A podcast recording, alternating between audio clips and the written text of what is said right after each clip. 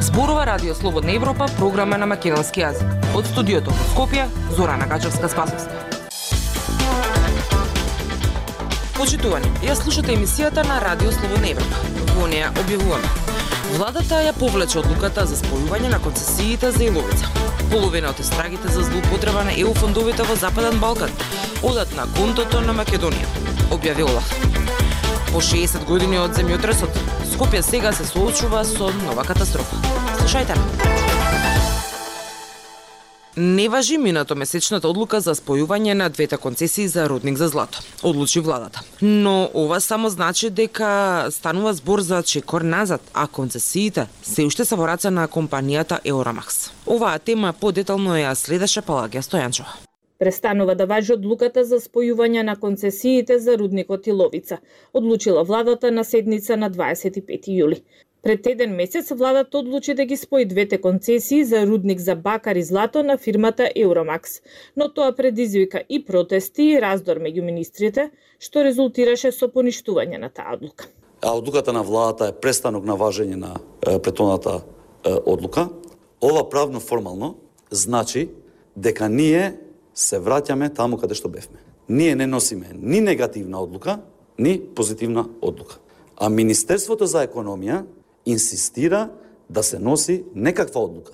А која е подобрата одлука за интересот на граѓаните, тоа ќе го каже и времето и аргументите што секој може да излезе и да ги презентира рече министерот за економија Крешник Бектеши на 26 јули. На владината седница министерот за економија бил воздржан, не гласал негативно, оти како што вели не може да биде против тоа што го презентирал на владините седници предходно.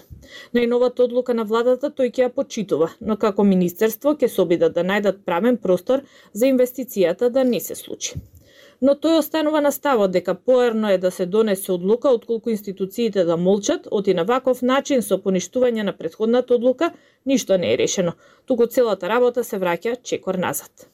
И после ова одлука, концесионерот Евромакс има собственост на двете концесии. Концесионерот Евромакс ќе има право да ја повтори барањето за спојување на концесии. Министерството предлага да се донесе акт со кој ќе се утврди дека инвестицијата е спротивна на стандардите за животна средина. Доколку има таков акт, Министерството веднаш ќе предложи да се раскине договорот со концесионерот.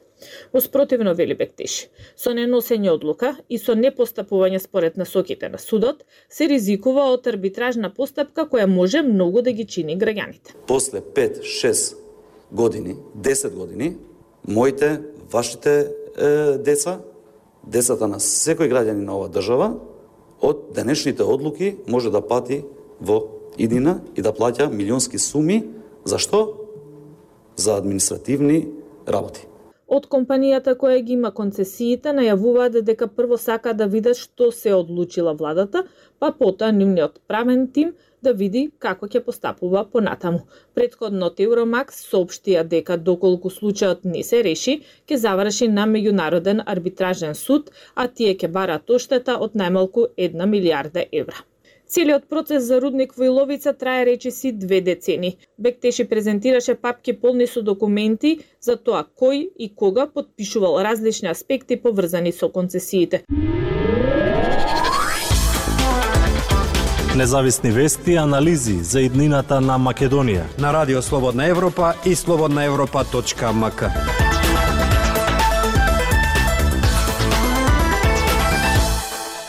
Трошењето на парите на Европската Унија во земјава е под лупа на Европската канцеларија за борба против измами. Во последните пет години, од 36 истраги во земјите од Западен Балкан, половина, односно 18, се за злоупотреби извршени во Северна Македонија, објави Олаф. Евроамбасадорот евроамбасадорот Дейвид Гир очекува обвинителството да си ја заврши работата. Прилог на Билјана Николовска. Се очекува истражители на Европската канцеларија за борба против измами ОЛАФ за брзо време да дојдат во земјава, дознава Радио Слободна Европа од извори од истрагата. Ова доаѓа откако канцеларијата која е одговорна за ревизија на фондовите за земјите членки на Европската унија и другите земји корисници на овие фондови отвори 36 истраги за земјите од Западен Балкан, но половина од нив се токму истраги за злоупотреби во Република Северна Македонија. Истрагите биле спроведувани во изминатите 5 години, а според податоците објавени во годишните извештаи на ОЛАФ, земја со најголем број истраги започнати за Западен Балкан е Северна Македонија. Од започнатите истраги Олаф достави седум препораки до европските институции и македонските власти, се вели во известувањето од Олаф. Според извештаите, ова значи дека од 18 истраги за 5 години, 7 се затворени, а ако се гледа по години, 2021 била година кога се отворени најмногу 8 истраги за злоупотреба на европски пари. Три од овие истраги се затворени со имплементација на препораките на ОЛАФ, Минатата година биле отворени 4, а затворени 3 истраги. 2020-та е отворена само една истрага која се уште не е завршена. 2019-та се отворени 3 и исто толку не се затворени. А во 2018-та две се отворени, а само една затворена. Амбасадорот на Европската унија во земјава Дейвид Гир смета дека луѓето кои што ги злоупотребуваат парите на европските даночни обврзници, всушност ги мамат и граѓаните на Северна Македонија.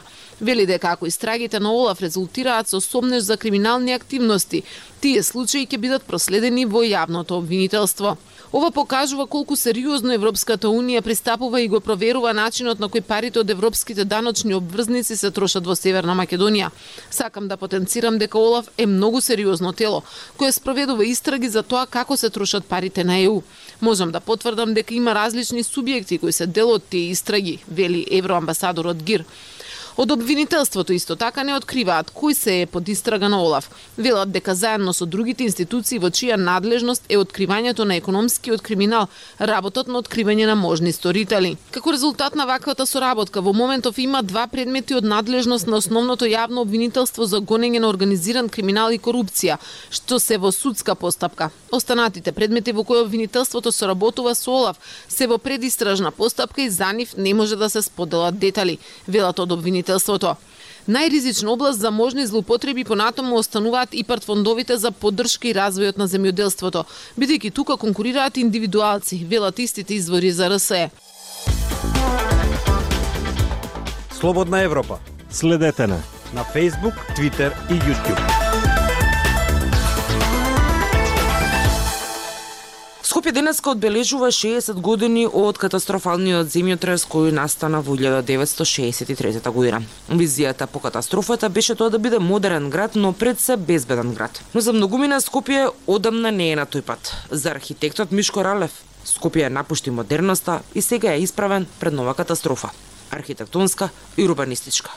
Повеќе за оваа тема од Владимир Каленски. Кобното утро на 26 јули 1963 година скопјанецот Љубомир Дрнковски имал 23 години и бил кај негов другар кој живеел на улица Илинденска, во тоа време една од поголемите улици. Неговата помала сестра била во нивниот дом кај Скопската пошта, додека неговите родители биле во Охрид на одмор. Веднаш по силниот потрес, Дрнковски во шок тргнал да ја бара сестра си, која останала дома и за среќа ја нашол неповредена. Језива беше гледката кога дојдов во паркчето пред пошта. Тоа беше целото разурнато и имаше многу жртви. Луѓето беа извадени надвор, имаше рушевини. Луѓето беа што се вели народски стаписани од тоа што се случи но некои веднаш почнаа да помагаат. Се сеќавам дека се качуваа врз рушевините и извлекоа едно дете од дурната станбена зграда кај пазарчето, раскажува Дрнковски. Според официјалните податоци, Скопскиот земјотрес се почувствувал на простор од околу 50.000 квадратни километри. Над 200.000 луѓе останале без покрив над главата. Се проценува дека имало над 1000 загинати. Хуманитарните организации во многу земји собираат помош со што Скопје го доби епитетот на град на меѓународна солидарност. Две години по катастрофата во 1965 година јапонскиот архитект Кензо Танге започна да работи на урбанистичкиот план на градот Скопје. Новата ера за Скопје е замислена градот да биде изменет, но да функционира безпрекорно и во делот на сообраќајот и инфраструктурата, но да се запази и квалитетот на животот на граѓаните но по 6 децении нештата не се одвиваат по планираното. Планот за обнова на Танге само делумно се исполнува. Архитектот Мишко Ралев, кој е председател на Асоциацијата на архитекти на Македонија, потврдува дека после 60 години Скопје е далеко од патеката која била трасирана во 1965 година. Скопје денска можеме да кажеме дека не го препознаваме. Скопје е населено место, но да да можеме лесно да го читаме, не можеме да кажеме. Некои нови катастрофи му се случија, некои нови потреси, може би така подобро да се каже во на полето на на архитектурата и урбанизмот. Вели Ралев во интервју за Радио Слободна Европа која ќе го имитуваме в недела. Додека Скопје се сеќава на земјотресот, речиси секогаш се наметнува прашањето колку е заштитен градот од катастрофи и земјотреси, особено приносењето на урбанистичките планови. А, велам, она што е што е регулирано, она што е а, легално, легална градба, таа е неколку пати проверувана. И тука несомнено е безбедноста и сигурноста а, на највисоко можно ниво. Но треба и просторот или, или урбаното милје да го понуди да ја понуди таа безбедност затоа што сите велиме дека првата брана од не само од било каква катастрофа е всушно урбанизмот. Вели Ралев. Дајте ни 15 минути и ние ќе ви го дадеме светот. Слободна Европа.мк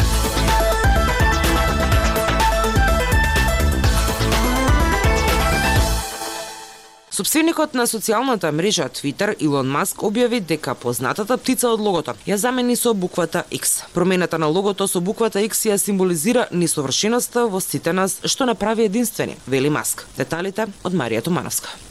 Птицата Лари, која го доби името по легендарниот НБА кошаркар Лари Бърд, повеќе не е на логото на социјалната мрежа Твитер. Сега тоа е голема стилизирана буква X. Собственикот на Твитер Илон Маск најави ненадејно ребрендирање на компанијата во серија објави во неделата на 24 јули. Овој потек е дел од напорите да се претвори водечката платформа за социјални медиуми во апликација за секого.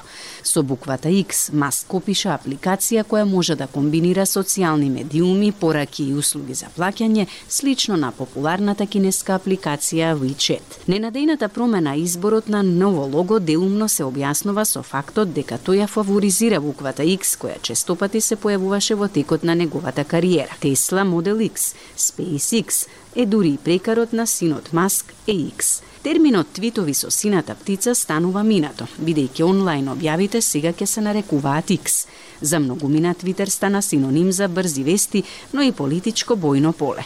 Како една од водичките социјални мрежи со 230 милиони корисници, Твитер помина долг пат од неговото лансирање во 2006 година, станувајќи и компанија и бренд. Како нов собственик на брендот, Маск се ребрендираше со промена на името на компанијата во X Corporation.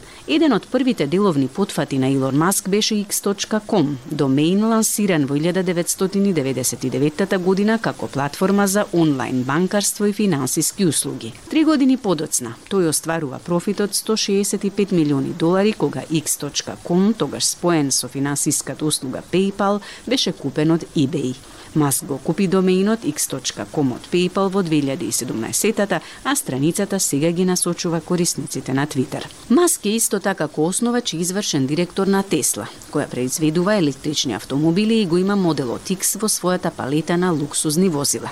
Маск води во дизајнот на производите, инженерството и глобалното производство.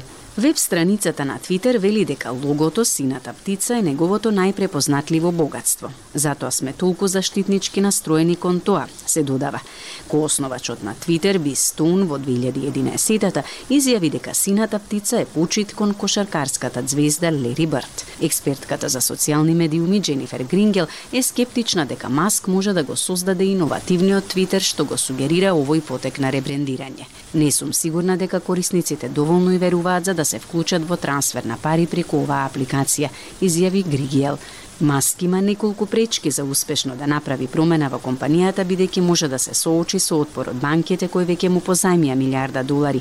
Истото може да биде случај и со приватните инвеститори што ги вовлече во оваа деловна сделка. Пишува Нью Йорк Таймс додавајќи дека тоа би можело да предизвика загриженост за откажување од еден од најпрепознатливите и највидливите брендови на Твитер. Тоа беше се што ви подготвивме за оваа емисија.